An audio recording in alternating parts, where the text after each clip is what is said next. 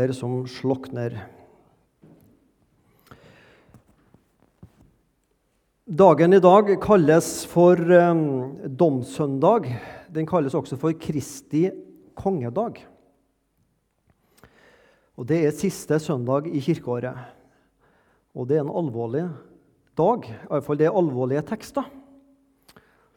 Eh, før vi da starter på adventstida neste søndag. Eh, og i dag så er det om de ti brudepikene.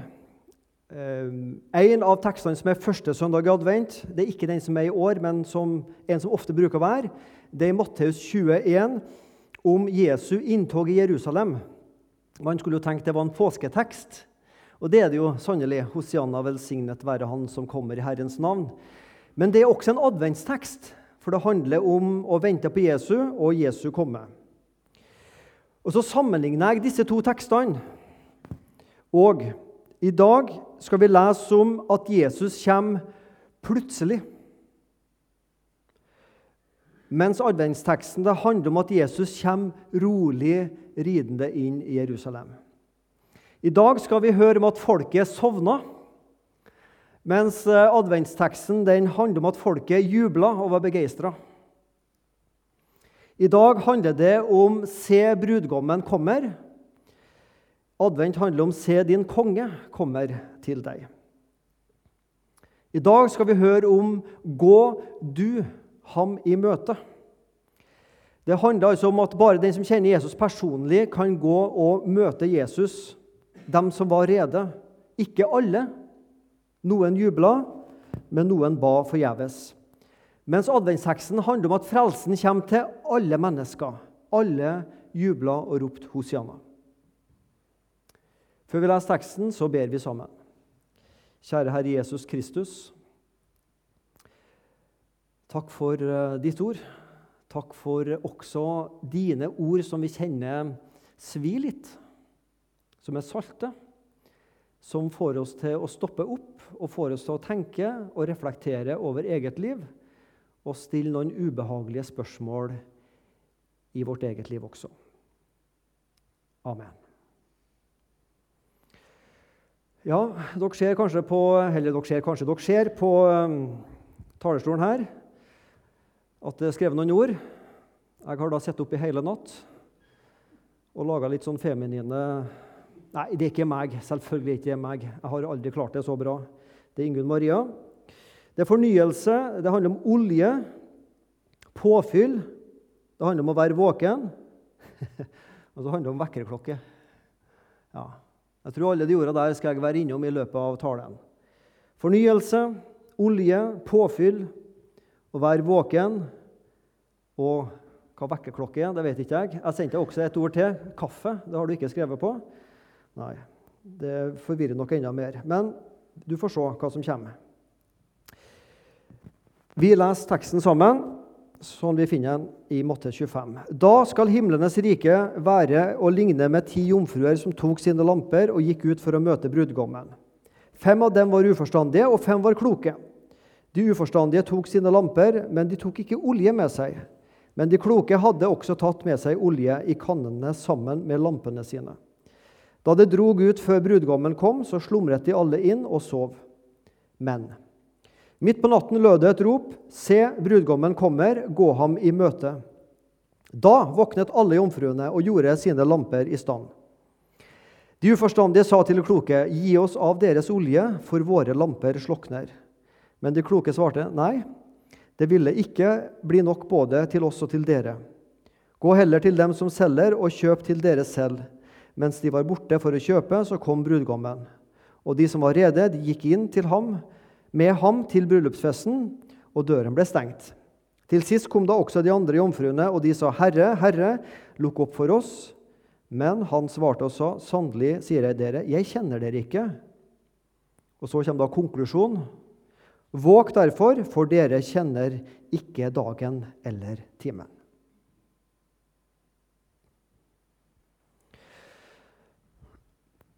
Det er en kjent lignelse med et alvorlig budskap.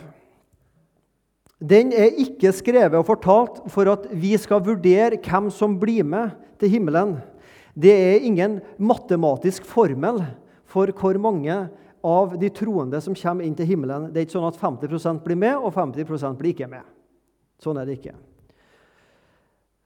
Forhåpentligvis er tallet mye større selvfølgelig av dem som blir med. Poenget med denne lignelsen det er at Jesus vil si noe om tilstand blant de troende rett før han kommer igjen. Han vil si noe om den farlige ventetida. Han vil vekke oss opp av likegyldighet, sjølsikkerhet og sjølbedrag. Teksten sier noe om hvem som er rede, dem som venter med forstand og gudsfrykt. Og den sier noe om hva vi kan og må gjøre for å komme inn. For det var da noen som kom inn. Ikke sant? Det var ikke bare de som ikke kom inn, det var jo noen som kom inn. De må ha gjort noe lurt. Hvordan skal vi holde oss våkne? Teksten starter med å si da skal himlenes rike være likt ti brudepiker. Matteus han snakker om himlenes rike. De andre evangelistene snakker om Guds rike. Men det er det samme. Det betyr 'der Gud bestemmer'. Guds rike og himmelen er ikke akkurat det samme. Himmelen det er en konkret plass. Men Guds rike det er der Gud bestemmer. Gud bestemmer himmelen, men Guds rike kan også være til stede på jorda. Da, sier Jesus, da skal Guds rike, eller himlenes rike, være likt. Altså, På et spesielt tidspunkt så gjelder denne lignelsen veldig konkret. Da, rett før han kommer igjen, idet han kommer igjen. Det er en dag som ingen venter han. Da skal tjenerens herre komme en dag han ikke venter, og en time han ikke kjenner. Og Det er tydelig når vi leser Matteus 24 og Matteus 25, som mange av disse lignelsene og tekstene er fra, at det var veldig få som venta, tydeligvis. Men disse ti brudepikene de venta. Alle ti. Det var ikke fem som bare var med i et miljø. Nei, de venta, dem også. Bryllupsbildet det møter vi flere ganger hos evangelistene. Om Messias, frelseren, som blir forent med sin menighet. Vi er han er brudgommen, og vi er Jesu brud. Men akkurat dette med brudepika, jomfrua, det tror jeg kanskje bare her det er brukt. De som venter, og de som går ut. Og Her tror jeg er et viktig poeng i denne fortellinga at de som er likegyldige til brudgommen, til Jesus, de som avviser Jesus, de er denne lignelsen uvedkommen. Det er, ikke, det er ikke sånn at her snakkes det om 50% kristne og 50% hedninger eller ikke-kristne. Lignelsen forteller om 100% som regna seg som kristne. Men det var bare 50% som var kristne. Så det er altså ikke et skille mellom troende og vantro i denne teksten.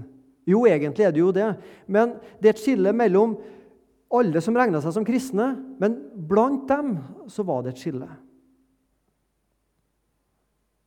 Alle ti var sjølerklærte kristne. De regna med at de kjente Jesus, og at Jesus ville kjenne dem. Her er altså skillet. Noen venta med forstand, andre med sløvhet. Kanskje tenkte de vi blir med i dragsuget inn i himmelen. Det er mange ting som er likt i det ytre. Alle var brudepiker. Alle var jomfruer, de var reine. De venta og lengta. Iallfall sånn, sånn virka det for de andre. De hadde alle lys med seg. De var med i forsamlinga. Alle hadde navn av å leve. Ja. Men fem var uforstandige, og fem var kloke. For de uforstandige tok med seg lampene sine, men ikke olje. De kloke tok med olje på kannene sine sammen med lampen. Det lå altså en forskjell ikke på det ytre plan. Det var ikke sånn at du kunne se liksom, hvem er det som er innenfor og utenfor. Men det lå en forskjell på det indre plan. Noen ble kalt for klok og forstandig. Er du klok og forstandig? Ser du på deg sjøl som klok og forstandig? Da er det iallfall godt at denne, når teksten her snakker om å være klok og forstandig, så handler det ikke om IQ og hvor smart du er i toppen. Var du glad for å høre det? Nei, det er ikke det det er snakk om. Men det handler om at de som er kloke og forstandige, de er forutseende. Og de er gudfryktige. De var forutseende. De innså det at de må ha med nok etterforsyninger. Du må ha med sånn at du får påfyll. Og de var gudfryktige. De tok det nøye med det de ikke kunne unnvære. Forutseende å ha med nok, og gudfryktig å ta det nøye med det du ikke kan unnvære.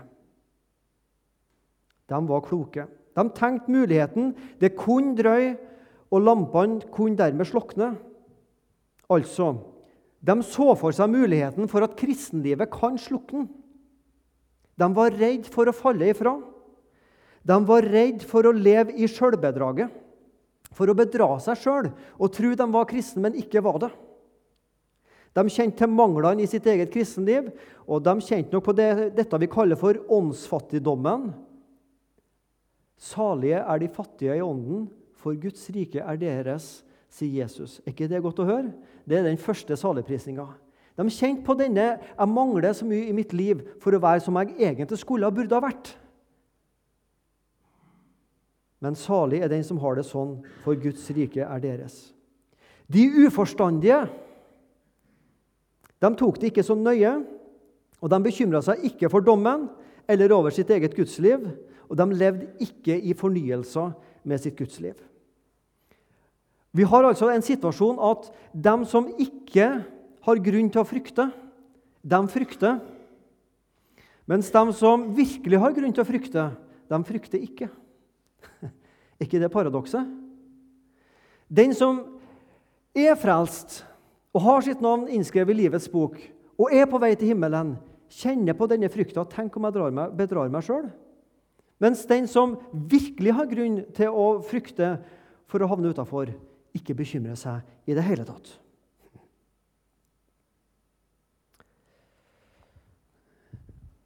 Fornyelse, olje, påfyll. Um, hvordan disse lampene så ut, det vet ikke vi helt. Det kunne være noen fakler som de hadde med seg brennende fakler, og så dyppa de dem i mer olje. Eller det var kanskje sånne små, ja, små lamper. Nesten som de så ut som sånn Sandnesgauker. hvis du ser dem, det har du selvfølgelig. Som det kom en liten flamme opp av, og du fylte på mer olje. Hvordan det så ut, det, det vet ikke jeg. Men det å ha olje i kanna, det å ha med seg påfyll, det er sånn som jeg ser det, et, annet, altså det er et uttrykk for fornyelse og leve i fornyelse. Vi er kalt til å leve i lyset, og samtidig kristenlivet, livet i lyset, det må fornyes. Hvis ikke, så vil lampa slukne. Hvordan er det når vi har biler? Hva er det vi passer på? Både damer og menn. Jo, vi tar opp, tar opp panseret, og så tar vi opp en pinne, en peilepinne, og så er det noe svart på den som heter olje. Ikke sant? Det passer alle som har bil på, å sjekke at du har olje på motoren. Hva skjer hvis du ikke har olje på motoren? Da begynner det å røde ei lys, eh, lys ei rød lampe. og Hvis den begynner å lyse, så kakker du på dashbordet og håper at den slukner. Og Hvis den ikke slukner, og du fortsetter å kjøre, så brenner motoren seg. For du må ha olje der for å holde den i gang. Hva skjer når vi ikke har olje i kristenlivet? I overført betydning, selvfølgelig. Jo, kristenlivet brenner seg fast, og vi går tom. Og åndens liv forsvinner. Det brenner opp, det slukner. Fornyelse det handler om å leve et liv i Den hellige ånd. Fornyelse handler om å bli fylt av Den hellige ånd. Og I Efeserne 5,18 så står dette verset som Paulus skriver til efeserne. Det var tydelig at de kom da fra en sånn hedensk kultur der det var mye for å bruke et sånn moderne uttrykk piker, vin og sang. De heiv inn på ganske mye og, og fylla seg. Og Så ble de kristne og måtte ta et oppgjør med det gamle livet. Og Så sier Paulus.: «Eh, Fyll dere ikke med vin, men bli fylt av Den hellige ånd. Nå sier Paulus det som et innlegg i en alkoholdebatt, først og fremst. Men han sier som dere før fylte dere med vin og kjente at det gjorde noe med dere, så fyll dere nå med Den hellige ånd og kjenn at det gjør noe med kristenlivet å være fylt av Den hellige ånd. Det å bli fylt av Den hellige ånd, og det er et viktig poeng, det er ingen engangsopplevelse. Det er ikke sånn at jeg ble en kristen, eller de fleste av oss vi blir døpt først da, som barn, og så blir vi en bekjennende kristen i ungdoms- eller voksenåra. Og så tenker vi så må jeg ha en, sånn, en spesiell opplevelse med Den hellige ånd. Så får jeg liksom åndens fylde. Og så uh, Da er jeg fylt for resten av livet. Da kan jeg gjøre nesten hva jeg vil etterpå, for da er jeg fylt. Nei, det å bli fylt av Den hellige ånd det er noe som skjer stadig og vedvarende. Da vi lærte teologi, så lærte vi gresk, og så lærte vi at på gresk, som da Nytestamentet er skrevet på, så er den verbformen som ordet 'å bli fylt' på her brukes. Det er noe som skal skje stadig vedvarende. Det er ikke noe som skal skje én gang, men det er noe som skjer daglig og vedvarende. Så det å bli fornya som en kristen, det å bli fylt av Den hellige ånd, det er noe du kan erfare i dag. Det er noe du kan erfare på en mandag og på en tirsdag og på en lørdag. Det er noe som ikke er en engangsopplevelse, men som kan skje stadig. Er ikke det godt? Og er ikke det veldig viktig å høre? Sånn at vi ikke tenker ok, jeg har blitt fylt av Den hellige ånd, så da er det gjort en gang for alle. Vi må stadig bli fylt av Den hellige ånd. Og Så forteller denne historien oss at vi kan ikke leve på andre sin fornyelse. Da de våkna, så, så sier disse fem uforstandige, 'Gi oss av deres olje.' Men de fikk jo ingen olje. Var det fordi at de kloke var gjerrige? Nei, men det handler om at Jesus vil få fram et poeng. Du kan ikke le på andre sin fornyelse. Du sjøl må bli fornya. Du kan på en måte ikke høste fruktene av andre sitt kristenliv inn i ditt eget. Du sjøl må bli fornya. Ja, vi kan som forsamling og menighet bli fornya, men det skjer ved at du og jeg som enkeltpersoner blir fornya. Vi blir jo ikke fornya bare vi maler en vegg og et lokale blir fornya. På innsida må hver enkelt av oss bli fornya. Fornyelsen koster. De måtte gå og kjøpe olje. Det er ikke nok for oss og dere. Gå sjøl og kjøp. Det koster deg noe. Jeg vil så gjerne sitte på en stol i godstolen hjemme med hendene sånn og kjenne at Den hellige ånd detter i hodet på meg, og så er jeg fornya. Fornyelse koster. Jeg må ta noe grep i mitt liv. Og Hvis vi nå skal bruke et bilde, så skal vi bruke bildet med vippevekta. Sånn, du ser denne vippevekta. Og Da skal vi tenke på at vi som kristne vi har to naturer i oss. Vi har den onde natur, og vi har det nye livet som Gud har gitt oss. Og Vi ønsker jo alle at det nye livet skal veie tyngst på vippevekta.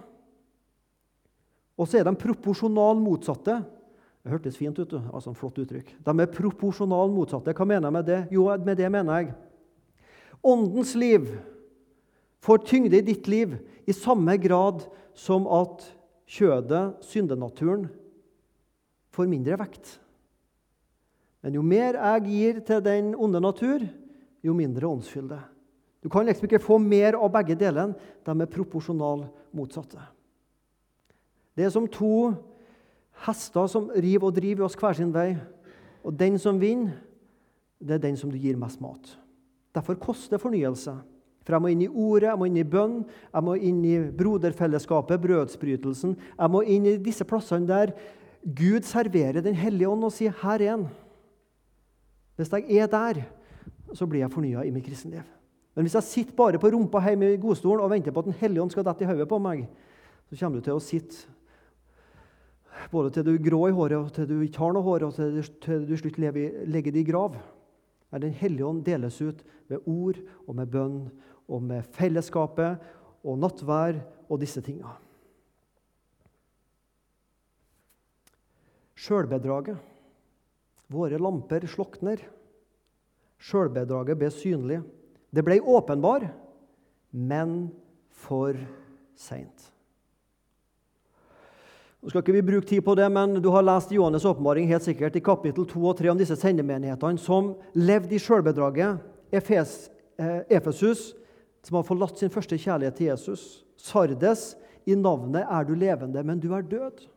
Laudikea, du sier om deg sjøl 'Jeg er rik, jeg har overflod, jeg mangler ingenting'. Her er gutten sin som fikser kristenlivet. Og så kommer dommen fra Gud. Nei, nettopp du er fattig og du er skrøpelig. Men du vet det ikke. Du lever i sjølbedraget. Fem av de sju menighetene får høre 'Våkn opp, du som sover'. Og Det er det siste jeg skal si litt om, om å sovne og om å våkne. For det er ennå nok tid til å vende om og våkne opp for den som vil. Gud er villig, ikke bare villig, Gud ønsker veldig sterkt å røske i oss, sånn, vi, sånn at vi kommer oss opp av sløvhetens dvale og likegyldighetens hengemyr. Det var flott, to flotte uttrykk. vet du. Sløvhetens dvale og likegyldighetens hengemyr. Det er tungt å våkne av søvn. Det trenger ikke jeg forklare, det vet alle. Men det er jo mulig da, å våkne av søvn. Det er jo derfor du sitter her nå. Hvis jeg kikker meg godt om, så er det ikke veldig mange av dere som har falt i søvn. Jeg ser bare en titolv stykker, så det er ikke veldig mange. Men det er altså mulig å holde seg våken. Det står at alle sovna. Da det trakk ut før brudgommen kom, ble de søvnige og sovnet alle sammen. Og det, kan, det, trenger ikke å være så veldig åndelig. Det kan bare bety at dagliglivet går sin gang før Jesus kommer igjen. Vi må sove. Vi må være våken. Dagliglivet skal gå sin gang før Jesus kommer igjen. Alle sovna, også de som levde med Jesus.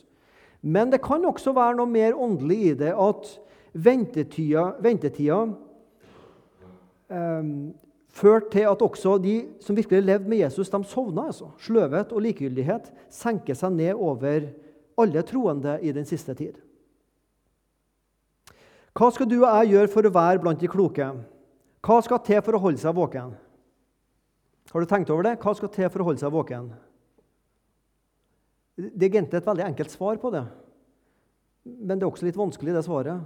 Det enkle svaret på hvordan vi skal holde oss våken, det er som følgende du må ikke sovne. Så lenge du ikke sovner, så holder du deg våken. Det er det enkle svaret. Men vi vet hvor vanskelig det er av og til å, å ikke sovne. Og Så, har, har, du prøvd å ligge i senga om kveldene en gang så tenker du nå skal jeg legge merke til når jeg sovner? Har du merka det? Jeg, jeg, merker av og til rett før jeg sovner, for da merker jeg jeg begynner å, sånn, da er en sånn tilstand der jeg smådrømmer litt. Men jeg vet, men jeg, vet jeg heter Svein Anton, vet, jeg, jeg vet, at jeg ligger i senga og, og hvor jeg bor hen. Men jeg begynner å merke at det er et eller annet som flimrer der. Da vet jeg nå sovner jeg snart. Men i, akkurat idet jeg sovner, det er det ingen av oss som vet. Jeg har tvinga meg sjøl til å kjøre bil en par ganger og kjenne at sandpapirene kommer i øynene. Men det har jeg sagt til meg etter andre gangen jeg holdt på å kjøre utafor veien. Det gikk bra begge gangene, takket være kona mi. Men jeg kjenner sandpapiret kommer, og da vet jeg i løpet av fem minutter så kommer jeg til å sovne. Jeg kan prøve hva jeg vil, jeg kan sette opp musikken så høyt jeg vil. Jeg kan ta ned vinduet og stikke ut hodet om jeg så vil, men du kommer til å sovne. Du merker her er det et eller annet. Hvordan kan vi hjelpe hverandre, vi som sitter her og holder oss våkne? I dag skal jeg stoppe for en bitte liten ting her, som ikke er så liten likevel. Det er lettere å holde seg våken når vi er to sammen. Det er lettere å sovne når du er alene. Jesus sier i den siste tid så skal kjærligheten bli kald hos de fleste. Kjærligheten. Kjærligheten sin motsats eller motsetning er ikke hatet, men det er likegyldigheten. Enhver har nok med seg å sitte i den siste tid. Ensomheten vokser, også i Guds menighet. Og den åndelige ensomheten vokser. Salme 142, 142,5.: Det er ingen som spør etter min sjel. Det er ingen som spør etter min sjel. Det å ikke bli invitert med i et mindre fellesskap Det er ingen som spør etter meg. Ja, Har vi ansvar sjøl for å bli med i et mindre fellesskap? Jo visst har vi det. Selvfølgelig. Og samtidig hvem er det vi spør med, hvis vi i hele tatt spør med noen i våre foreninger og husfellesskap? Har vi plass for en ny en? En som er ensom, åndelig ensom. Det er vanskeligere å sovne, det er lettere å holde seg våken når vi er flere sammen. Og Det har jeg lagt merke til når, vi har, eller når jeg er med på bønnemøter med flere. Jeg syns det er mye kjekkere å be når vi er flere sammen. Det, da er det lettere å konsentrere tanken, så ikke den begynner å tenke på alt mulig ting. Vi holder oss lettere våken når vi er flere sammen. Det er ingen som spør etter min sjel. Har du noen gang spurt noen hvordan har du det med Gud? Eller når vi sitter sammen i et fellesskap, hvordan, hvordan, har du og jeg hvordan har vi det med Gud sånn egentlig? Tør vi å spørre sånne spørsmål? Hva snakker vi sammen om, vi kristne, når vi samles til kaffe og kaker? Hva er det vi snakker om? Vi snakker om saker, meninger, ulike gjøremål som vi må gjøre i forsamlinga vår. Eller vi snakker om andre kristne, kanskje. Eller vi snakker om problemene i verden. Det er så godt å akke seg over problemene i verden. Akk, hvor godt det er å forarge sammen. ikke sant? Godt å forarge sammen med andre og klage, spesielt på noen andre. Hva snakker vi om når vi er sammen som kristne? Skulle vi av og til stoppe opp og spørre hverandre hvordan har vi det sånn med Gud sånn egentlig? Jeg tror det er med å hjelpe oss å holde oss våkne. Og så det siste ordet her, da. Vekkerklokke. står ingenting om vekkerklokke i teksten. vet du. Det, det, er mulig å våkne, og den beste måten å våkne på, eller beste i alle fall, en sikker måte å våkne på, det er å bruke vekkerklokke. Det er jo det vi bruker de fleste av oss om morgenen når vi skal opp til arbeid. Og du, du må ha ei vekkerklokke i ditt åndelige liv. Men det er en vesentlig forskjell på ei vekkerklokke fra den kjødelige søvn og ei åndelig vekkerklokke. Vet du hva det er? Det vet du. Den åndelige vekkerklokka kan du aldri skru fram i tid. Du kan aldri innstille den åndelige vekkerklokka. Vekk meg Jesus om to måneder. Jeg skal bli kristen om fem år. Jeg skal bli fornya om tre måneder. Ei åndelig vekkerklokke kan du aldri stille fram i tid. Du kan ikke bestemme deg at du skal bli kristen om så og så mange år, når jeg først bare har opplevd det og det. Du kan ikke avvise Den hellige ånd nå og så be henne å komme tilbake om et visst antall år. For hva vet du om du lever da? Og hva vet du om du og jeg har forherda vårt hjerte til da? Vekkerklokke, noe som vekker oss. Kaffe. Nå sto ikke ordet kaffe her, men trenger du litt åndelig kaffe? Kaffe er godt for å våkne, for oss som drikker det. Ikke mye næring da, i kaffe, men det, du våkner. Her skal du få en åndelig kaffe som virkelig er næring i, og den har jeg snakka om. Det er Guds ord.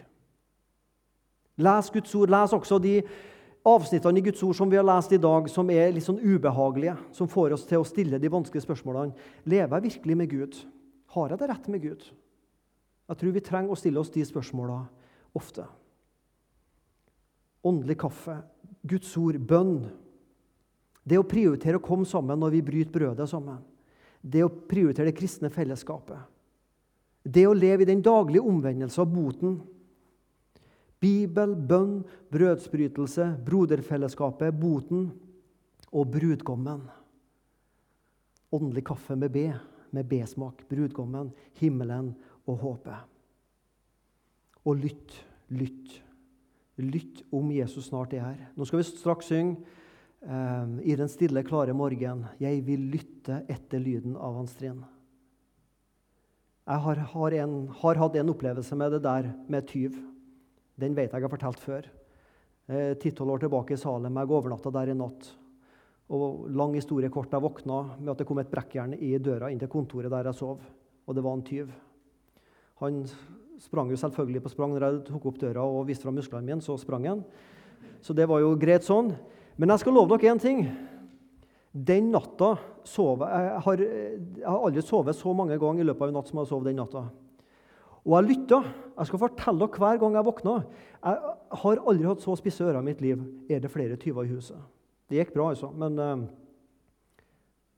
Jesus skal komme som en tyv om natta. Lytter du? om han snart er der. Kjære Jesus Kristus. Hold oss våken, du. Gi oss at vi eh, er oss bevisst å ta til oss noe åndelig kaffe, sånn at vi holder oss våken. Noen vekkerklokker i livet vårt som får oss til å stoppe opp og lytte om du snart kommer, Jesus. La oss være rede om du kommer igjen før kvelden. Amen. I den stille, klare morgen.